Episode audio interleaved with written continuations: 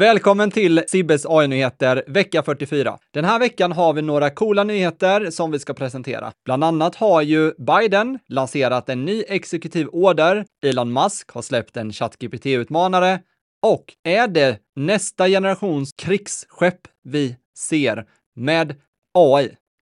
Häng med, nu hoppar vi in i veckans 10 AI-nyheter på 10 minuter. Första nyheten handlar om The Beatles. Beatles har alltså nu i veckan släppt en helt ny låt, men låten är inte ny, utan den är från ett kassettband som John Lennons fru har hittat och gett till Paul McCartney.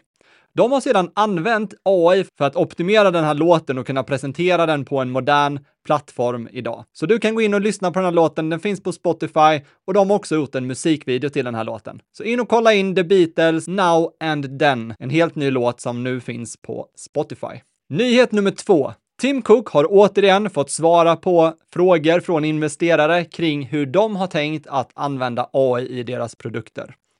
Och det som Tim Cook går in väldigt djupt på är att de har jobbat med AI väldigt länge. Det är ingenting nytt för dem. Så han säger så här. iOS 17 är fyllt med AI-funktionalitet, till exempel personal voice och live voicemail. AI är kärnan i dessa funktioner. Men även de nya livsavgörande säkerhetsfunktionerna i Apple Watch och iPhone som kraschdetektering, falldetektering och liknande har också AI som deras största funktion. Men Tim Cook säger att vi märker inte funktionerna som AI, utan vi bemärker de här funktionerna för vad de har för effekt och vilken fördel de har mot användarna. Så det är den stora skillnaden som Apple alltid har gjort, tycker jag, att de använder inte de här tekniska termerna, utan de säger vad är det för nytta för mig som användare för att använda produkterna. Tim Cook säger också att de eh, investerar extremt mycket pengar just nu i att utveckla generativ AI och de har sagt att de kommer inkludera de här funktionerna i nästkommande iOS-system och garanterat också i MacOS. Nyhet nummer tre. Denna gången är det inte ett företag som investerar pengar, utan nu är det ett land som investerar pengar i att utveckla ny AI-teknik. Det är Storbritannien som har sagt att de investerar nu 273 miljoner dollar i att bygga en helt ny AI-superdator. Storbritannien säger att de vill vara med och leda utvecklingen inom AI och vara med i det här digitala kriget. Så de tror att AI kommer ha en stor effekt inom den digitala krigssfären. De säger också att den här datorn kommer vara tio gånger snabbare än den snabbaste datorn som finns i landet idag. AI är ju en kraftfull dator som kommer kunna användas till mycket digitala aktiviteter och det ser vi redan hända i världen. Så att ett, ett, land bestämmer sig för att göra den här typen av investering är någonting som jag bara ser som helt naturligt och det borde de flesta länderna göra, tycker jag. Nyhet nummer fyra.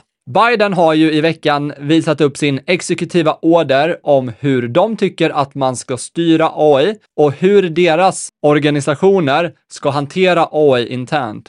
Och det har allting med att göra med hur man ska begränsa AI, men också hur man ska utnyttja kraften av AI i deras olika försvarssystem, eh, säkerhetssystem och liknande.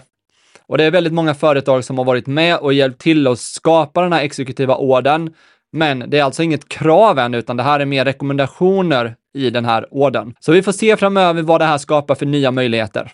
Nyhet nummer fem. Vi ser nu det första fallet där en dom har skett mellan konstnärer och en AI-generator. Och det är Stability AI som alltså har vunnit den första domen nu mot konstnärerna där de sa att vår konst har använts för att träna en AI-modell och den AI-modellen kan generera konst som är våran. Men domaren säger nu alltså att den här informationen räcker alltså inte för domaren att säga att Stability AI har utnyttjat eller har inkränkat på det här upphovsrättsskyddet, utan de säger att mer teknisk bevisning behövs. Så de har nu gett konstnärerna möjligheten att visa upp ännu mer. Så det kan vara så att den här domen faktiskt får en förlängning igen om de väljer att överklaga. Det finns flera sådana här typer av fall ute just nu och vi kommer säkerligen inom en snar framtid få se ännu mer av den här typen av domar komma. Nyhet nummer 6. I och med det här så har det nu skapats en sida där konstnärer kan gå in och ladda upp sina verk och se om de finns med i AIns träningsdata eller i ett så kallat dataset. Och det finns några sådana här dataset som är de absolut största som många använder för att träna sin egen AI-modell. Så om du går in på haveibeentrained.com så kan du där ladda upp en text eller en bild och så får du information om din modell eller om din bild har funnits med i den här träningsdatan. Så i den här domen som kom i veckan så har de alltså använt Have I been trained som bevismaterial, men domaren tycker återigen inte att det här är tillräckligt stark bevisning. Nyhet nummer sju. Stability AI fortsätter att leverera flera nya AI-funktioner.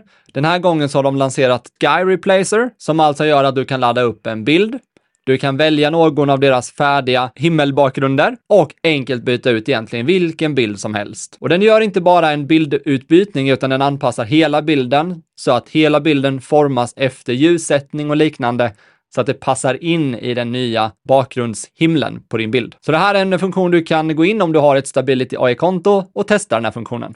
Nyhet nummer 8. Elon Musk har gjort det igen. Han har nu gått ut och presenterat sin nya ChatGPT-utmanare som han kallar för Grok. Och vi vet inte riktigt exakt vad Grok står för. Jag vill säga att det är från en av karaktärerna i World of Warcraft som man har fått namnet ifrån. Men det finns också i ordlistan och det betyder att man har en bra förståelse eller empati för någonting. Vad Elon har valt att eh, döpa sin AI-tjänst från, det vet vi inte riktigt, utan vi får se vad Elon säger om det framöver. Elon säger att den här Grok AI kommer att ha all information från hans plattform X. Elon säger också, vilket jag tycker är otroligt häftigt, att Grok kommer även att inkluderas i alla Tesla-bilar om de bara har hårdvaran som krävs det. Så att det kan vara så att äldre Tesla-bilar inte får den här typen av funktionalitet och de säger att det kommer finnas en lokal version på bilens dator. Det här kommer vara någonting som Tesla kommer lansera ut i en ny mjukvaruuppdatering finns inget datum satt på detta än. Elon säger att Grok kommer ha en humoristisk ton fylld med sarkasm. Så det här blir spännande lite grann hur de väljer att ta en helt annan approach än vad Google, OpenAI, Microsoft och så vidare har gjort, som har lite mer business-tänk i sina AI-modeller. Nyhet nummer 9. Här ser vi företaget Dell Complex visa upp ett skepp som de kallar för Blue Frontier. Och det här är alltså ett skepp som är fyllt med 10 000 AI-GPUer som enligt dem själva ska vara något form av krigsskepp för AI. Och de vill inte bli styrda av olika re regeringar, så de har valt att ha det på ett skepp som är helt styrt av vattenkraft, solkraft och vindkraft. Och det de gör är att fartyget kan åka och segla, på internationellt vatten. Så att vad de väljer att göra med sin AI-kraft är helt upp till dem. Och det här är vad vi ser nu. Det här är framtidens krigsskepp. Så det här kommer nog inte vara det första skeppet av den här typen som vi ser, utan det kommer komma fler. Nyhet nummer 10. Och det här gäller alltså OpenAI och deras ChatGPT som har inför deras utvecklarkonferens har nu släppts rykten om vilka tjänster och produkter de kommer inkludera framöver. Det sägs att ChatGPT kommer erbjuda massa olika AI-agenter och göra det enklare för människor och företag att skapa sina egna AI-agenter eller chattagenter som blir tränade på deras egna data och dokument. ChatGPT tros också få så att man kan direkt ansluta till olika typer av system. Det kan vara CMS-system, CRM-system, ERP-system och göra direktanslutningar däremellan för att direkt få möjligheten att prata med ditt företags data. Det sägs också komma en eh, teamversion där du kan betala 90 dollar minimum per månad och få Team Access så att du kan dela ut behörigheter till ChatGPT till hela ditt team i företaget. Det här kommer också vara någonting som kommer vara begränsat så att den här datan i teamet inte används för att träna AI-modeller framöver. Och det här är ju någonting som Microsoft håller på att presentera just nu som ligger in, inom Enterprise-modellen. Men det här är alltså en helt ny version som är för team som är mindre, som inte är stora Enterprise-företag. Det blir spännande att se hur mindre företag, speciellt som vi, kan utnyttja den här kraften framöver. Det där var veckans 10 AI-nyheter och vill du ha mer AI-nyheter så släpper jag nyheter varje dag nästan på min LinkedIn, så där kan du gå in och kolla in nyheterna. Och vill du ha de här nyheterna i textform så kommer jag på varje måndag 07.30 lansera dessa nyheter även i textform.